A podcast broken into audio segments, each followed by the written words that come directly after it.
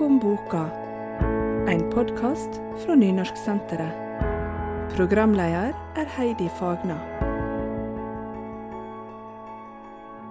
Velkommen til Bakom boka, Arnfinn Kålerud.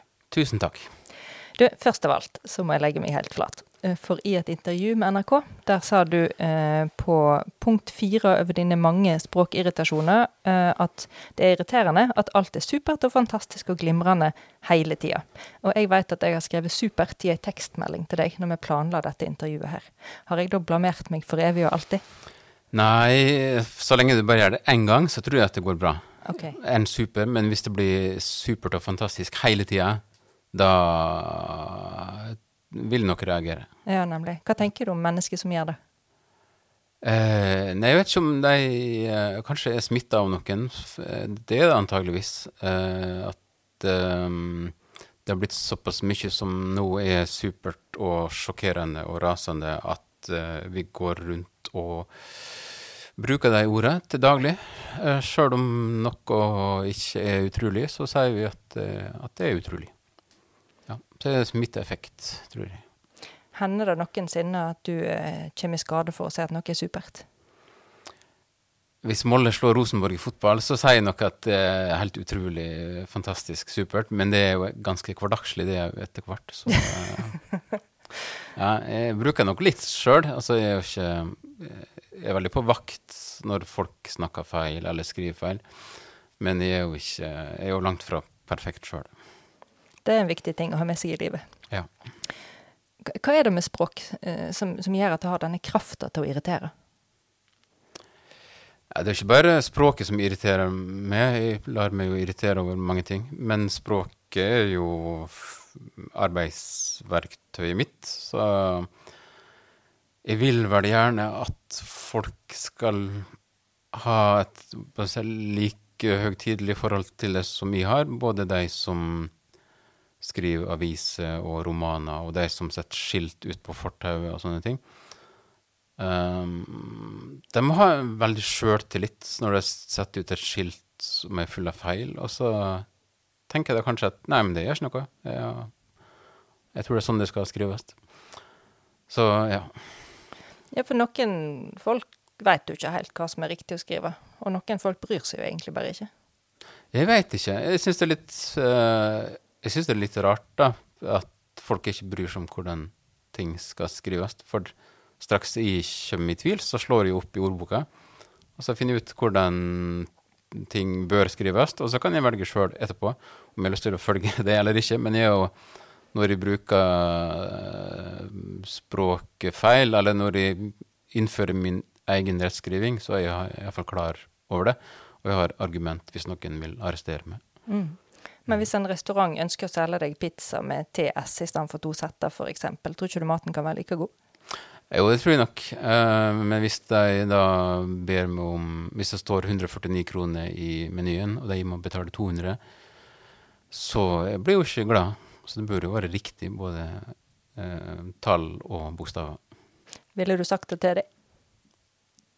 Eh, ansikt mot ansikt? At de har skrevet feil på skiltet sitt? Nei, jeg vil bare baksnakke det etterpå. Ja, det er mye enklere. Ja, det, det er mye enklere. Eh, men jeg kunne godt ha Kanskje vært korrekturleser for, uh, for en kafé. Da må jeg si det på en litt sånn fin måte. At uh, vi ser at dere prøver, uh, og at dere kommer fra det og det landet, men kanskje vil dere selge mer mat hvis eh, dere skriver riktig. Du, språk, det er jo et stikkord, eller egentlig ei overskrift, for din forfatterskap, som eh, foreløpig inneholdt ni bøker. Eh, Og når jeg har lest disse bøkene, så har jeg tenkt at språket her er så viktig at det er egentlig kanskje viktigere enn handlinga, i alle fall i en del av de. Hva tenker du om det? Ja, um,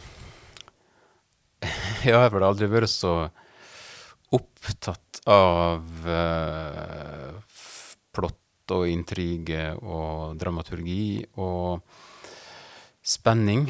Um, uh, jeg har jo ofte lyst til å f.eks. avslutte kapittel helt uten cliffhanger. Um, uh, avslutte kapitlet når all spenninga er over, og leseren egentlig kan tenke at ah, ja, ja, men nå er det ikke noe mer er ikke, er ikke interessert i, eller er ikke, er ikke spent på hva som skjer på neste side. Men da, ideelt sett, så er det språket eller uh, humoren eller uh, en eller annen skeiv logikk eller en personen som i teksten mine som skal være så bra at det er det som gjør at leseren har lyst til å fortsette, og ikke nødvendigvis den røde tråden. Er dette noe du har tenkt at du ideelt skulle prøvd en gang, eller har du prøvd det i noen av bøkene dine? Ja, jeg prøver jo det ganske ofte, å avslutte kapittel um, når ting har roa seg, og ikke er på det mest spennende, i den grad de skriver spennende. Så um, eh, Ja, så Men eh, forlaget er nok kanskje mer innstilt på at du, du bør dele opp kapitler på en litt mer fristende måte, rent sånn dramaturgisk sett. Um, du har gitt ut ni bøker, og disse er spredd over alle aldersgrupper. Det er bøker for barn, for ungdom og for voksne. Uh, og før mm. vi går inn i disse bøkene, så hadde jeg lyst til å spørre deg hva som er grunnen til at du uh, sprer forfatterskapen, og at ikke du har valgt deg ut ei sånn favorittmålgruppe. Mm. Jeg tror nok at favorittmålgruppa er sånn 9 til 13 år. Um, fordi 10-12-åringen inni meg uh, Jeg har ikke helt greit, greid å vokse fra. Uh, men jeg har skrevet voksenbøker uh, som da var veldig språkfokuserte. Um, så jeg har jo egentlig lyst til å bli lest av alle sammen, både store og små. For jeg ser jo at det er jo veldig mange andre forfattere som, som gjør. Uh, og i et lite land som Norge så bør du jo kanskje henvende det til flere enn bare jeg holdt på å si 48 til 50-åringer. Det er ikke så Eller 9 til 13-åringer. Det blir ganske snevert.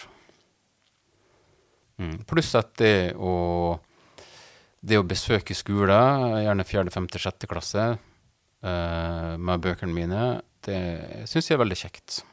I motsetning til å besøke ungdomsskole eller videregående som kan være en mer ja, stille og litt langdryg affære. Er de mer interesserte før de blir ungdommer? Ja. Eh, femte klasse er full av liv og spørsmål og ja, både saklige og usaklige spørsmål. da. Men til lenger opp i klassa du kommer, det syns det stillere blir det. Og da blir det mer sånne foredragsaktige besøk, og det er ikke noe er ikke noe særlig. Det er ikke noe for meg. Den boka jeg går ut fra at du har hatt med deg ut i flest klasser, det er vel fort den som heter 'Snillionen'. Ja. Eh, og det er den boka du har eh, skrevet som har nådd lengst ut. Kom i 2017. Her møter man Frank og moras, og hun vinner 24 millioner kroner i Lotto. Og hun lover vekk 1 million kroner til den snilleste i bygda, altså en snillion. Mm. Hvordan kom du på å skrive ei slik bok? Jeg kom nok på den boka eh, fordi at jeg av og til satt sammen med, og det gjør jeg jo ennå, sitter sammen med nabo og diskuterer hva vi skal gjøre hvis vi vinner mye penger. Og da er det jo mye reise og sånne ting det går i. Så det var nok utgangspunktet. At de ville la Har egentlig lyst til å bli rik, og så blir jo ikke det. Men så måtte jeg skrive en roman om en gutt som da blir det, for å finne ut hvordan det er å være rik. Eh, her er mye komikk i denne boka, her, både i alle de som konkurrerer i å være snille, og i Frank sin frustrasjon over mora. Der han har mm. lyst til å flotte seg litt med disse pengene, så er hun akkurat like nøysom som før. Og helt fram i denne her vaskejobben på en heim for slepphendte. Eh, jeg lurte på om du kan lese et lite utdrag, der han Frank klager til vennene sine på side 59. Ja, det kan jeg gjøre. Jeg er den eneste som ikke kan vinne, sier Frank. Men vi kan få en idé i lag, en snill idé. Så kan vi vinne og bruke snillionen i lag. De går til kafeen for å dele en brus. Like bak går to småunger som håper det skal ramle penger ut av lommene til Frank. Men det er Denisa som har penger i dag, og som må spandere. Jeg forstår hvordan du har det, sier hun. Du er millionær, men likevel blakk. Det er ikke så vanskelig å forstå denne her eh, frustrasjonen til han Frank. Nei, han, de har jo vunnet 24 millioner, og så um, skal de jo egentlig dele det på to. Og han har jo mange ideer til uh, hva han skal bruke pengene på, men han er nødt til å vente til han blir 18 år. Og det er jo en del år att til det. Hva er grunnen til at hun ikke sier ja, OK, vi kan eh, ja, få seg litt større hus, eller kanskje i hvert fall en ny bil, eller i hvert fall noe, noe lite, da, for å Mm. vise at nå eh, lever han et liv i Kunne levd et liv i bitte litt mer luksus. Mm. Nei, han, nei ho, mora er veldig redd for at han skal bli bortskjemt, og bortskjemte unger er ikke noe å ha i hus. Så Nei, nei. det er det viktigste for henne. ja, det er jo et poeng. Ja. Eh, Snivjon er omsatt til flere språk, eh, og det detter enda inn eh, nye omsetninger nå og da. Hva er det med denne boka som gjør at hun treffer på tvers av kulturer? Nei, det er kanskje det at folk har lyst til å bli rike. Når jeg reiser rundt ja, i skoleklasse ja, på Vestlandet for det meste, så spør jeg jo om hvor mange av dere har lyst til å bli rike. Og da er det nesten alle elever har lyst til å bli det. Og sånn er det sikkert både i Polen og um, Japan og Brasil. Så um, ja, det å skrive om penger tror jeg er lurt. Kommer fra nå av alle bøker til å handle om penger. kun penger. Ja. Jeg sitter og skriver på en bok nå som handler om lommepenger. Så, Ja. ja. Ser ut som jeg har funnet meg en nisje, kanskje. Det blir bra. Ja. Um, jeg veit òg at i denne her eh, boka 'Snillionen', der har du skrevet de formuleringene du, du er aller mest fornøyd med i alle bøkene dine. Så kanskje vi skal ta med oss de òg før vi legger fra oss 'Snillionen' for nå. Ja, um, det hender jeg leser uh, mine egne gamle bøker, og så ofte, eller av og til, så er jeg jo litt sånn Jeg er ikke så begeistra for alt, men den setninga her så, uh, kan jeg stå for. Og det er da den siste av tre setninger som, som er den beste. En pensjonist lærer en utlending å si u. Utlendingen sa underbukse og museum og undulat og utlending. De hadde ikke u i landet han kom fra, enda det var et u-land. Den setningen syns jeg faktisk er superglimrende og fantastisk. Eh, ok. da får jeg si tusen millioner, takk. Bakom boka. En podkast fra Nynorsksenteret. Vi skal videre i barnebøkene dine. Eh, i, vi går tilbake til 1996. Der Mm. debuterte du med 'Bare ikke brøyteplogen kjem'. Ja. Dette er historien om Odd, som en kveld skal ut med sparken for å selge lodd for uh, fotballaget. Og det er jo et veldig hverdagslig konsept på den Mm. norske bygda, at en skal ut og selge lodd for fotballaget. Eller var i hvert fall det da, Mm. før en begynte med digitale lodd. ja. Eh, Vi får følge han eh, Odd rundt i de forskjellige husene i bygda, og der møter vi de sympatiske og usympatiske og ganske vanlige og veldig merkelige folkene som bor i denne her eh, bygda her.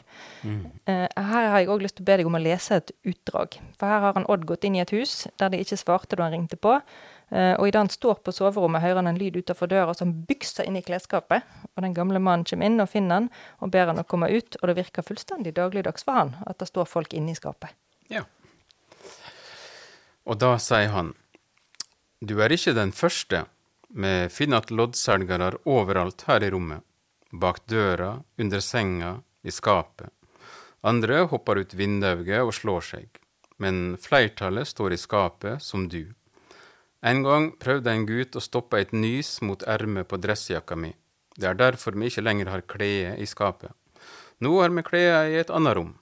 Vi kunne ha flytta hele skapet, men det er for tungt til at jeg og kona mi kan greie det alene, og sønnen vår har det så travelt.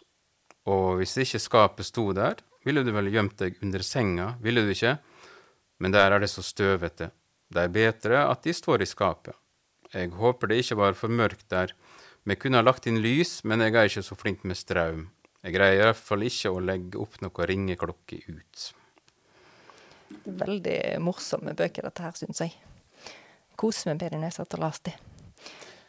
Og Dette her var jo debutboka di. Ja. Hvordan kom den til deg? Den kom til meg som et råd, fordi at jeg hadde sittet i mange år og skrevet romaner, på, romaner for voksne på bokmål. Eh, og så fikk jeg de tilbake fra tror samtlige norske forlag, inkludert Pax forlag, som kun ga ut oversatte romaner. Eh, så jeg gikk på Skrivekunstakademiet i Bergen og fikk råd om eh, at jeg kunne skrive noe som var litt nærmere mitt eget liv, pluss å prøve å skrive på nynorsk.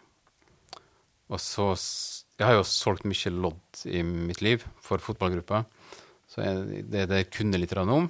Um, og så jeg skrev eh, den teksten på Isfjords dialekt først, og sendte den til Samlaget. Og så sa de ja, men kanskje ikke på isfjordsdialekt, vi, vi gir, gir, den ut på nynorsk. Mm. Så det var egne opplevelser og ja, frykten for uh, brøytebilsjåføren og det barneperspektivet der som Det var første gang jeg da prøvde å skrive med unger i hovedrolla. Hvordan uh, opplevde du det? Å gi ut bok? Nei, jeg tenker når det var første gang du prøvde å skrive med, med barn i hovedrollen, hvordan fungerte det for deg eh, i skriveprosessen? Det gikk eh, Jeg, synes, jeg tror det må ta mange år siden, men jeg mener å huske at det gikk rimelig kjapt å, å skrive den teksten. Og språklig så ble det kanskje litt mindre jålete enn da jeg hadde prøvd å skrive voksenromaner. Vi hadde nokså store forbilder i Hamsun og Kafka og sånn. Men at jeg da brukte mer enkelt og nøkternt språk, pluss at de ja, på perspektivet òg fikk kanskje snevra inn perspektivet til litt sånn gutt, ti år, synsvinkel, som, som jeg trivdes veldig godt uh, med å skrive. Dette er jo en bok som har eh, en helt tydelig eh, handling med en spenningskurve. Også Beklager det, ja. ja nei, på vegne av alle lesere at du tilgir. nei, det, det, er bra. Men, men her er en tydelig spenningskurve, og det er jo da det med, med brøyteplogen eh, spiller på den spenningskurven. Mm. Um, men det, men det, er veldig sånn helt støpt bok, og du fikk ganske, ja. du fikk god mottaking. Skryt, og, og du fikk noen priser òg. Hva syns du sjøl om boka di? Eh, jo, i ettertid så, så syns jeg jo at den står seg. Eh, det er jo eh, Det er jo sånne bøker jeg har lyst til å skrive nå, sånn som er bare på 40-50 sider, og som er det kanskje alt foregår i løpet av en kveld, og litt sånn begrensa personer, og ganske fortetta. Du har òg gitt ut ei, ei lettlesen bok for barn. Den heter 'Jakta på Andi Anderssons eft'. Kom i 2010. Mm. Eh, og denne boka den starter den morgenen når Rikke ser at noen har skrevet 'idiot' med store, røde bokstaver på huset hennes. Og så får hun hjelp av venninna Lea i eh, forsøket på å finne synderen. Eh, og her er det òg humor og absurde vendinger. Hvordan eh, oppsto denne boka? Eh, jeg tror det oppsto ved at jeg var Jeg var sikkert en by. For det, sånt finnes det jo ikke på de bygdene jeg har bodd. Og så på en husvegg eller på en butikkvegg eller en eller annen undergang eller noe sånt, så sto det jo et stygt ord. Det står jo mange stygge ord i byer. Eh, på murvegger. Og så tenkte jeg vel Jeg gikk vel bare forbi, og så tenkte jeg ikke noe sånn spesielt over det. At å ja, et stygt ord. Men så tenkte jeg etterpå ja, men tenk hvis det ordet hadde stått på, en, på et privat hus. Hvordan ville de som bor i det huset, ha reagert?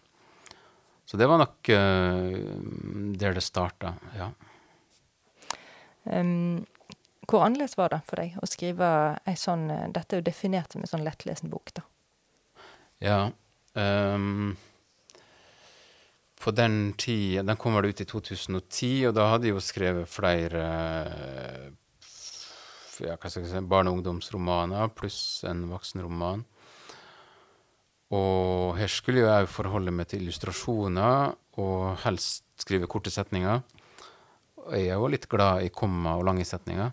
Så, men det var veldig oppdragende, og det er jo litt av det samme som jeg driver med nå i den boka som skal komme, den neste boka mi. at de skal prøve å skrive enkelt og eh, ja, korte setninger. Da. Så um, det er god trening, og det er nok noe som jeg har lyst til å fortsette med. Eh, fokusere mer på, på å kanskje gå bort ifra de der 200-sidersromanene og jeg tror det er kanskje lettere å nå fram til publikum da, sjøl om jeg ikke skal fri altfor mye til publikum heller. Men eh, ja, det er, en, eh, det er noe jeg skal tenke seriøst på. En må være litt kostbar òg. Ja, litt. Jeg koste meg veldig med å lese den boka der. Koste du deg med å skrive opp? Ja, eh, faktisk. Og den er jo ikke rimelig kjapt eh, å skrive. Problemet var å sk Det er to jenter som er hovedperson. For alle andre bøkene mine har gutter eller mannfolk i, i hovedroller. Så um, Men de er jo såpass unge at jeg tenker at det er ikke så stor forskjell på gutter og jenter. Det er først når vi kommer opp i 13-14-årsalderen at jeg vegrer meg for å skrive om unger, for jeg vet ikke helt hva Jeg bruker å si det når jeg besøker klasser, at jeg har ikke peiling på hvordan jenter tenker. Og da jubler alle guttene, for de, de kjenner seg igjen i det. Um, og så bruker jeg å si at uh, det skumleste jeg veit om da uh, Det skumleste jeg visste om da jeg var 13 år, det var 14 år gamle jenter. Og nå når jeg er over 50, så er det fremdeles 14 år gamle jenter som er det skumleste å møte i et klasserom. For det er sånne ja, det er sånne der- De kan sende deg et blikk som gjør at uh, Som sier 'du er ingenting'. Oh, ja. ja, Det er ganske skummelt å oppleve. Men når du kommer som voksen mann med forfatterstatus, bryr du deg om deg, da? Ja. Jeg er alltid på utkikk etter noen som ikke liker bøkene mine. det kunsten er å overse deg, som, eh, som eh, ser litt sånn overbærende på deg. Så eh, en treningssak det er å, å henvende det til deg som er interessert. Ja. Mm. Du, jeg tenkte at jeg hadde lyst til å spørre om du kunne lese eh, et lite utdrag fra 'Jakta på Andi Anderssons EFTF' på side 10 og 11. Ja. Det er da Rikke som eh, går inn til mor og far og syns at det er dumt at det står 'idiot' på, på huset. Eh, Rikke himler med auga, hun himler med hele kroppen. Det er et fritt land, alle har rett til å seie og skrive hva de vil, sier far. Ikke på huset vårt, sier, Rik sier Rikke. Det er bra at ungdommen skriver, sier mor. Og det er rett stava, sier far. Det er det ikke, sier Rikke, det skulle stått idioter. Hun slamrer med dørene på vei ut. Naboen på den andre sida av veien klatrer opp i stigen sin og måler en stor, blå F på den gule veggen. Hva er det du gjør? spør Rikke. Jeg skal skrive fjott, sier naboen. På din egen vegg? Ja, folk som skriver, får ofte mersmak. Når de er ferdig med ett hus, går de til neste. Jeg vil ikke at noen kommer til meg og skriver noe enda verre, og fjott er ikke så ille. Var ikke det lurt? Nei, sier Rikke, det er fjottete.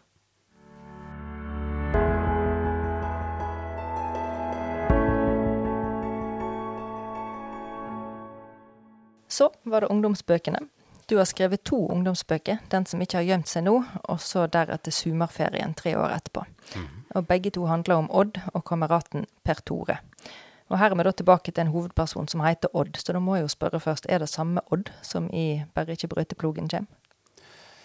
Eh, ja, det er det kanskje. Kanskje han har vokst eh, noen år. Eh, men jeg tror viktigste grunnen til at den heter Odd, det er jo at hvis du oversetter det til engelsk, så blir det rare.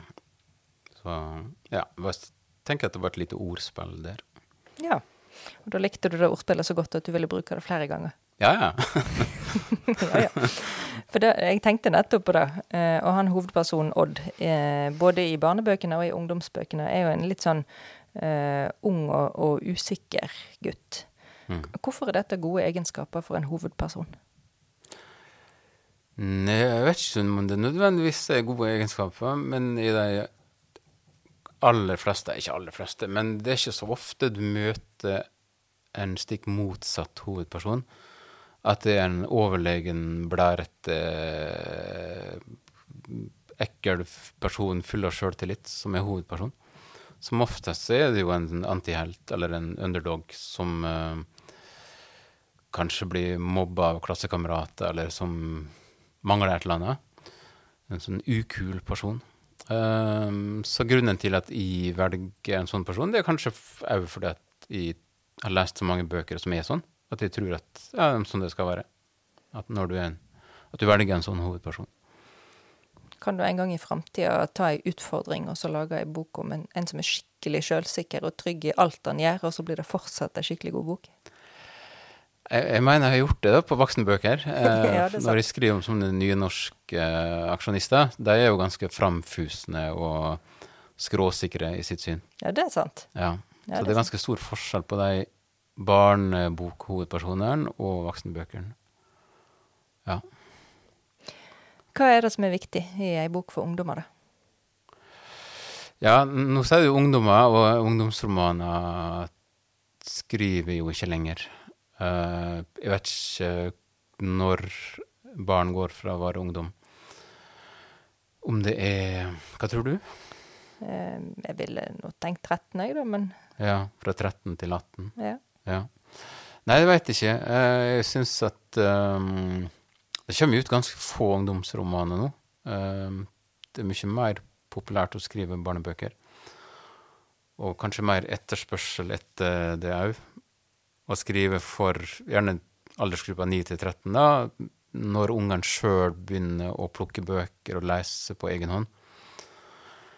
Eh, så svaret er vel at eh, jeg har gitt opp ungdommen. Du har gitt opp ungdommen. Ja. Eh, altså i betydning av 13, og 13 til 20. Det høres forferdelig trist ut. Ja, nei, jeg tror de er opptatt av andre ting enn å lese sånne bøker som vi, som vi skriver. Så um, de må jeg bare velge vekk. Skjønner. Ja.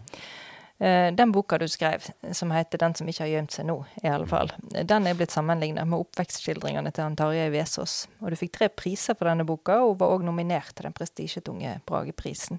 Mm. Hva var det du trefte så godt med der? Eh, jeg tror jeg, for å si det helt ærlig, så tror jeg at jeg treffer voksne kritikere. Eh, som ser at de jobber med språket. Jeg tror ikke at de treffer nødvendigvis 12-13-åringer så godt.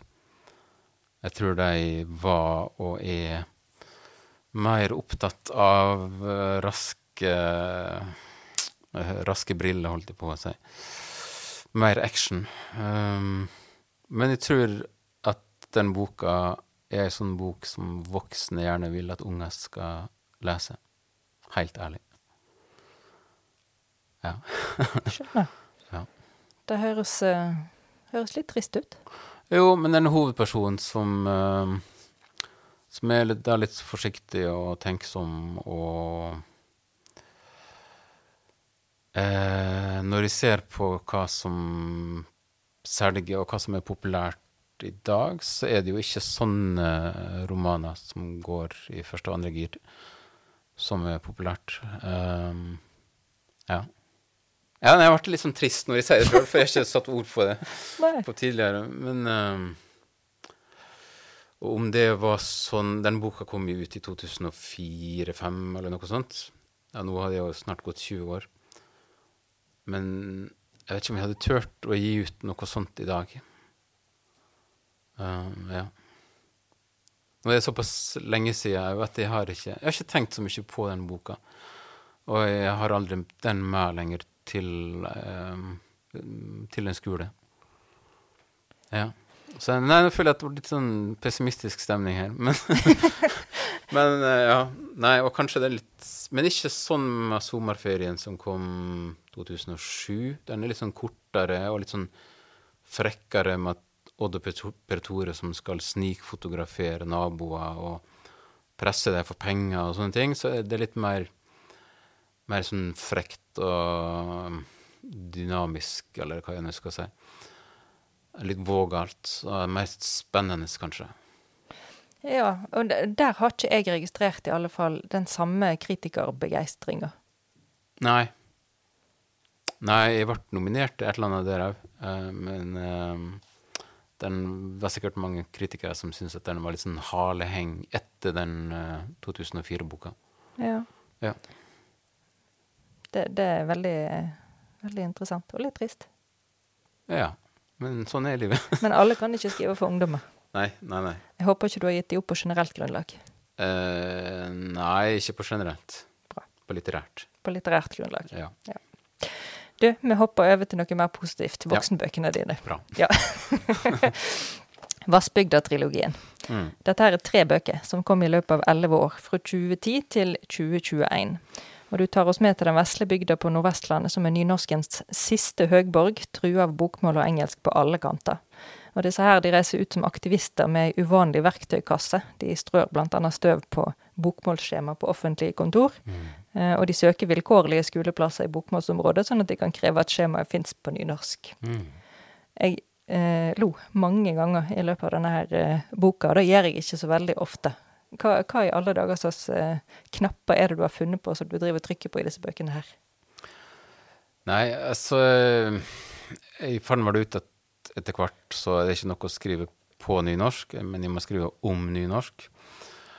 Og jeg må ha litt sånn mer framfusende hovedpersoner, som sagt. Og de skal da gjøre, eller utføre, dristige aksjoner eh, som jeg sjøl kunne ha tenkt meg å gjøre. Men jeg er jo altfor forsiktig til å, til å gjøre sånn, så jeg trenger en sånn Bendik uføre-type som kan gå inn på offentlige toalett og lese Ivar Aasen-dikt høyt for å spre språket ut til folket. Som jeg da gjerne skulle ha gjort f.eks. i Måløy, men eh, jeg tror det kunne ha blitt en ja, trasig affære. Så um, det er kanskje en De bøkene her er jo ganske ville og eh, heller ikke sånn eh, stramme, men mye folk og mye rare innfall og mye ordspill og Ja. Eh, for eksempel første boka er jo nærmest bygd på eh, en bjørn som vokser opp i en dyrehage, og som heter Ivar. Men for nynorskingeren så er det jo ingen Ivar som kan få lov til å bli mer populær enn Ivar Aasen. Så derfor så må de skyte den bjørnen. Um, så jeg, jeg var veldig fornøyd med da jeg kom på den ideen, og at det kunne være nesten bærende for hele den første boka. Men det som jeg koste meg mest med, det var jo at bygda diskuterte hvem er det som er i stand til å utføre noe sånt. Og, og, og da sender den personen til Bergen for å kjøpe en pistol og prøveskyte ei bikkje i ei gate og sånne ting. Så jeg syns jeg fikk eh, utløp for all eh, fantasien min i de bøkene. ja, du har en vill fantasi, den var i hvert fall helt sikkert. det er nå oppunder Nei, det er kanskje ikke 1000 sider, men det er mange hundre sider med, med veldig mye sprø innfall. Ja, det er nok en 600-700 sider. Ja, det er det nok. Ja. Um, når jeg leste dette her, så uh, er det jo ikke godt å si om, om uh, du gjør narr av alle disse her målentusiastene. Jeg satt og tenkte hjelpe meg, hva tenker målrørsla om dette her, blir de fornærma? Så har jeg forhørt meg av folk som har vært lenge i målrørsla, og de syns det er gøy. Ja. Er du egentlig sjølironisk på våre vegne, alle sammen? Ja, det er klart at når Når jeg lar den bygda, eller landsbyen, da heite Vassbygda, eller Vassbygdi, og at noen kjører rundt i Toyoti og andre i Auda, så er det jo Latterliggjør jo de for så vidt Eller latterliggjør jo målrørsla. Men samtidig så tror jeg òg at de skriver om de Eller at det skinner gjennom at de liker dem, da. At At det er um, Ja, at de Hva skal jeg si Både gjør narr av dem, pluss at de um, hyller dem. Uh, og da tror jeg at det er lettere å bli kritisert når det skinner gjennom at de liker dem òg. Ja. Mm. Ja, for de, for de sliter jo selvsagt, disse her eh, nynorskingene, med indre eh, konflikt. De blir jo ikke enige om det skal være A-mål eller I-mål, Vassbygd og Vassbygdi. De har en A-klasse og en I-klasse. Mm. Her er utrolig mange sånne små, morsomme, morsomme mm, detaljer. Og når jeg sitter og, og ler når jeg leser dette her, så tenker jeg, har du sittet og, og ledd når du skrev det? Uh, ja, det har jeg nok kanskje ikke akkurat når jeg skriver det, men det tror jeg er mer sånn etterpå. Uh, at jeg har skrevet et par sider, og så går det kanskje en dag, og så leser jeg opp igjen det som jeg skrev dagen før. Og så er det jo selvfølgelig noen uh, blødd med så mye stryk, og så er det andre ting som, som jeg fniser litt av. Uh, og hvis jeg gjør det siste, så beholder jeg det jo. Eh, men selvfølgelig, hvis jeg hadde lest om igjen nå, så er det nok en del ting jeg ville ha strøket. Det var ikke mulig å skrive 700 morsomme sider. Um, men mm, Men mye, altså, mye av de Altså, jeg har skrevet de romanene for å underholde. Det, det syns jeg at vi trenger mer av i norsk litteratur, og at vi ikke trenger å være så sjølhøytidelige på språket vårt at vi kan uh, tulle og tøyse litt. Så um, la oss uh, Jeg tror det var Ragnar Hovland som på en eller annen framside er sitert på at han trenger en sånn alvorlig grunnmur, men på reisverket så kan han tulle og tøyse veldig mye. Så jeg kjenner meg veldig igjen i det at vi må ha Ja, for språkstriden i Norge er jo ganske alvorlig og tungt, seriøst tema. Eh, og det er um, veldig fristende å tøyse med det. Um, du nevnte han Bendik Uføre. Det er navnet på hovedpersonen i denne her uh, trilogien. Og han er akkurat like endimensjonal som han uh, høres ut. Mm. Uh, og kanskje er det derfor, for, for, å dra linja tilbake til han usikre Odda i ungdomsbøkene, når han Bendik Uføre er så trygg på alt han driver med, som er jo galskap for, for oss andre, da. Mm. Kanskje, kanskje en må være litt endimensjonal for å være så trygg og sikker hele tida. Tror du det? Ja, jeg, jeg ser jo på meg sjøl som ganske endimensjonal, sånn rent privat. Men jeg er jo ikke trygg og sikker, så jeg veit ikke. Men, men det å skrive om sånne enkle figurer er jo egentlig ikke helt stuereint i Norge. Du skal jo helst ha sånn motstridende uh, trekk for at det skal være en interessant karakter. Uh, men jeg tror at de personene finner du mest i romaner. Jeg tror det er veldig mange av oss som er ganske, ganske enkle. Så jeg mener jo at når jeg da skriver om sånne ja, folk med tunnelsyn, så er det jo tett opp til virkelighetslitteratur.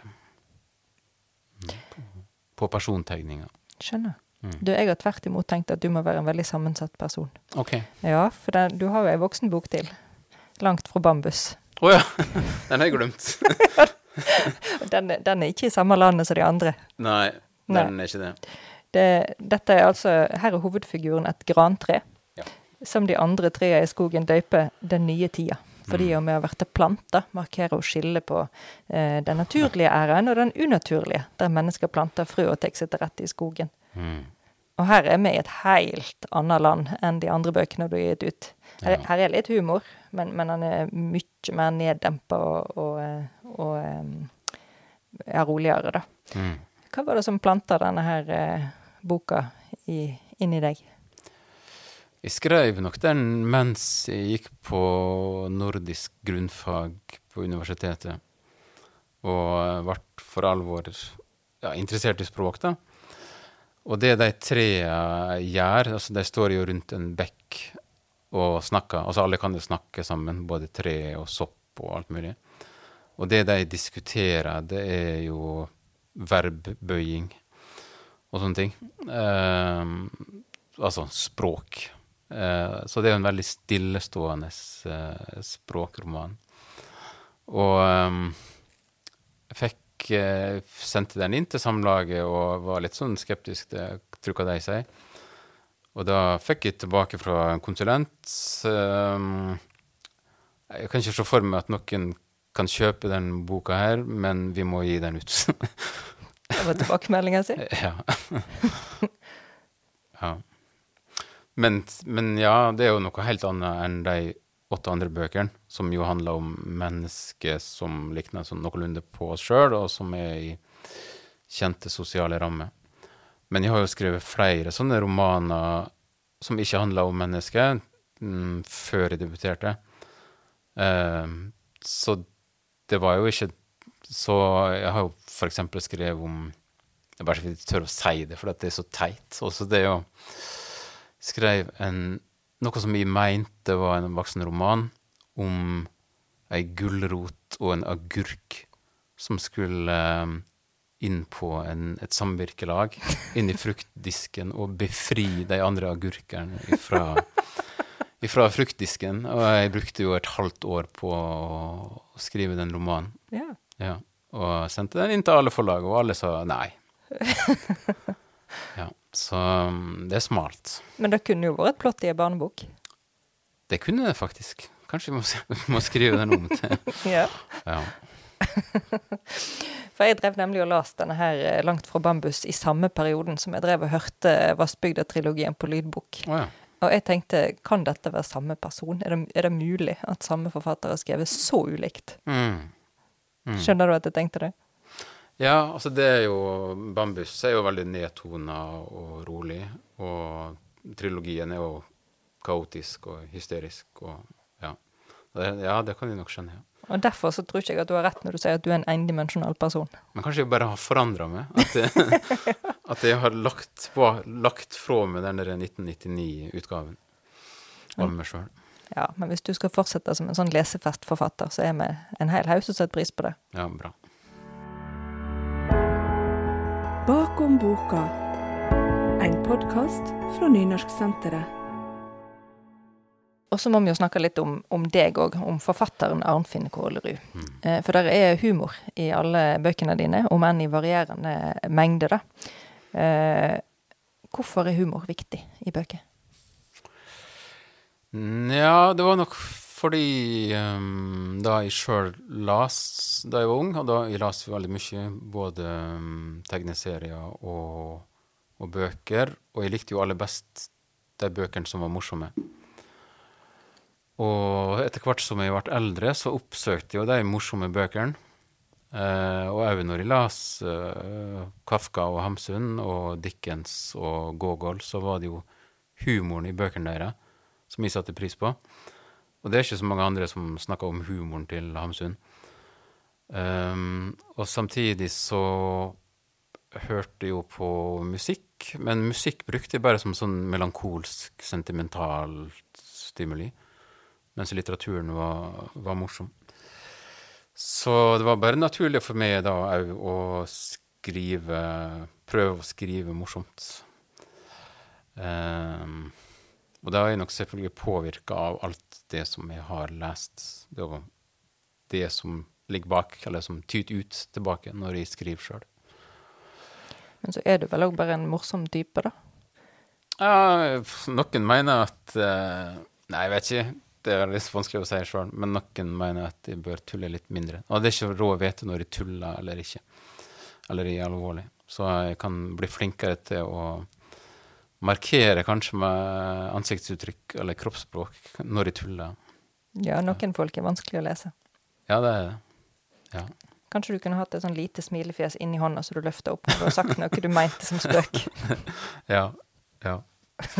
Men, men det er nok det at de ser at humor har uh, ikke har en sånn sterk stilling i, i norsk litteratur. Tårer har større status enn latter. Og hvis de skal rydde med et landskap der jeg skal skrive sjøl, så er det ganske god plass på den der humor, eh, humorterrenget.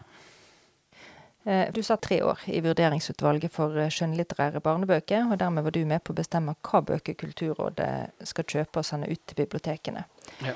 Deretter satt du tre år i litterært råd i NBU, altså Forening av norske barne- og ungdomsbokforfattere. Dette har vært da seks år i strekk som leser av norske barne- og ungdomsbøker. Mm. Hvor lett er det å si hva som er kvalitet? Nei, det er jo ikke så lett. For det at uh, hvis du er 50 år gammel og leser ei bok som ligner på veldig mange andre bøker som du har lest før, så kan du jo si at ja, det er jo ikke originalt i det hele tatt. Den, eh, det er jo nesten en kopi av den og den boka.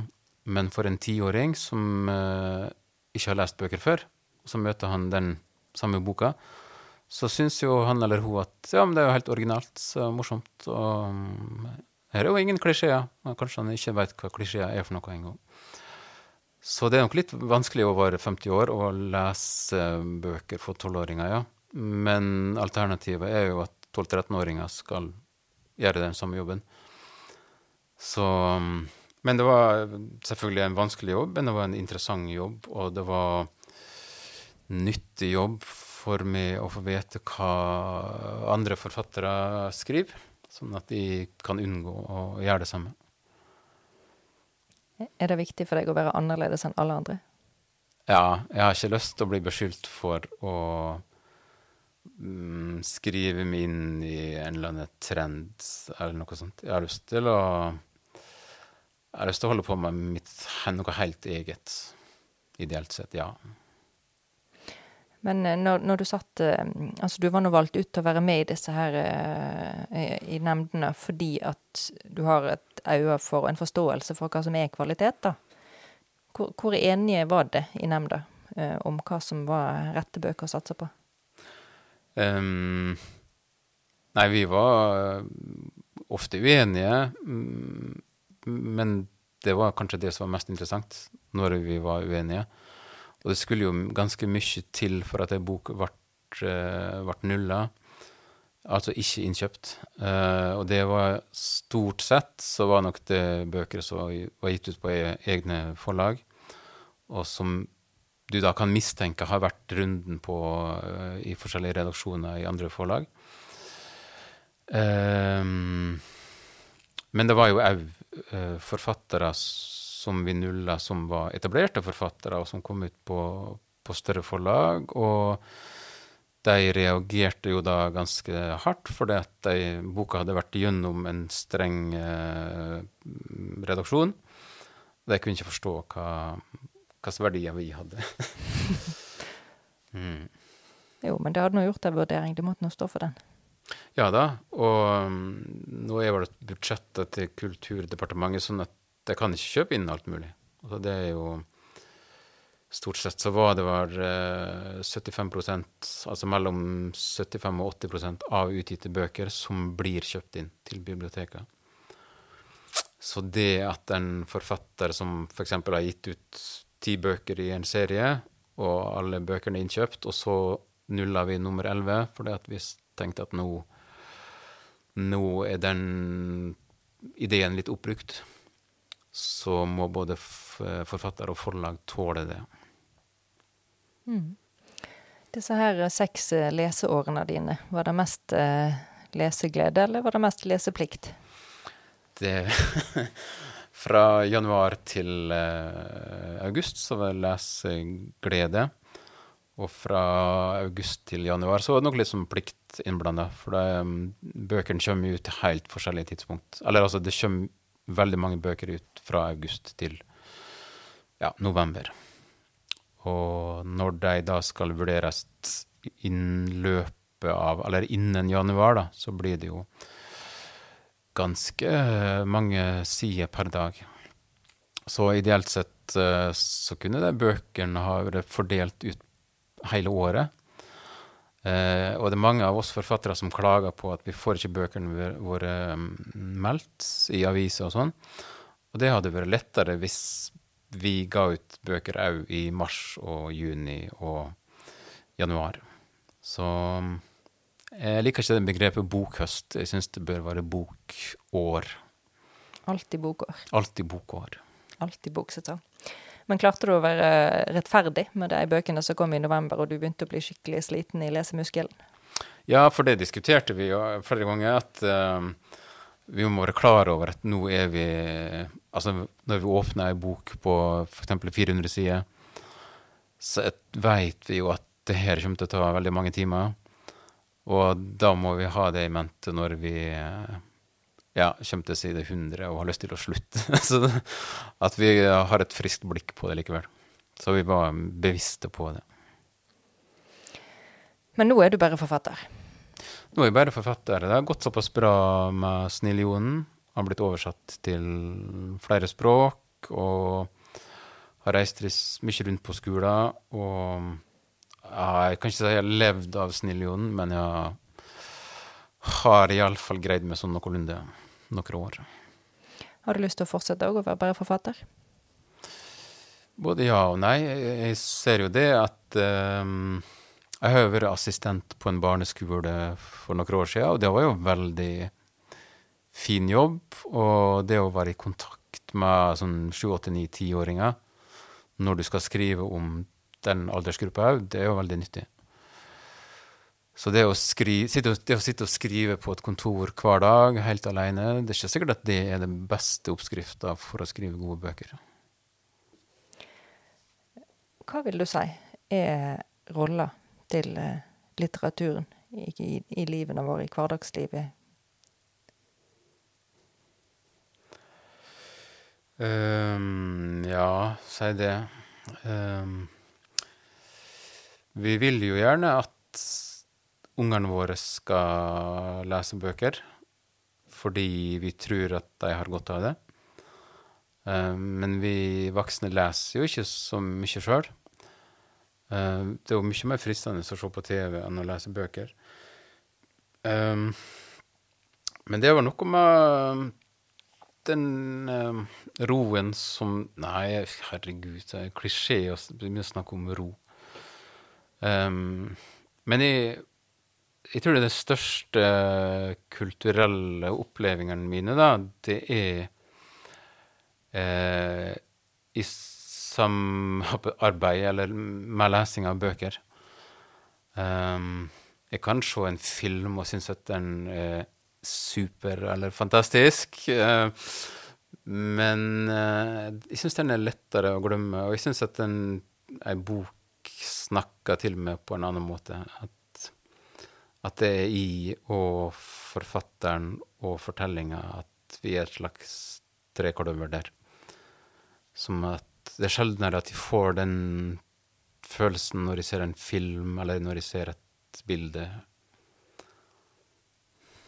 Og det jeg tror òg at det er med, med papirboka jeg har den, den, de sterkeste følelsene. Det, det, er ikke samme å lese det på et nettbrett eller en skjerm. Det er litt sånn gammeldags sagt, det òg. Men ja, det er sånn jeg føler det. Arnfinn Kålrud, takk for at du var med i Bakom boka. Jo, sjøl takk. Du har hørt Bakom boka, en podkast fra Nynorsksenteret. Programleder er Heidi Fagna.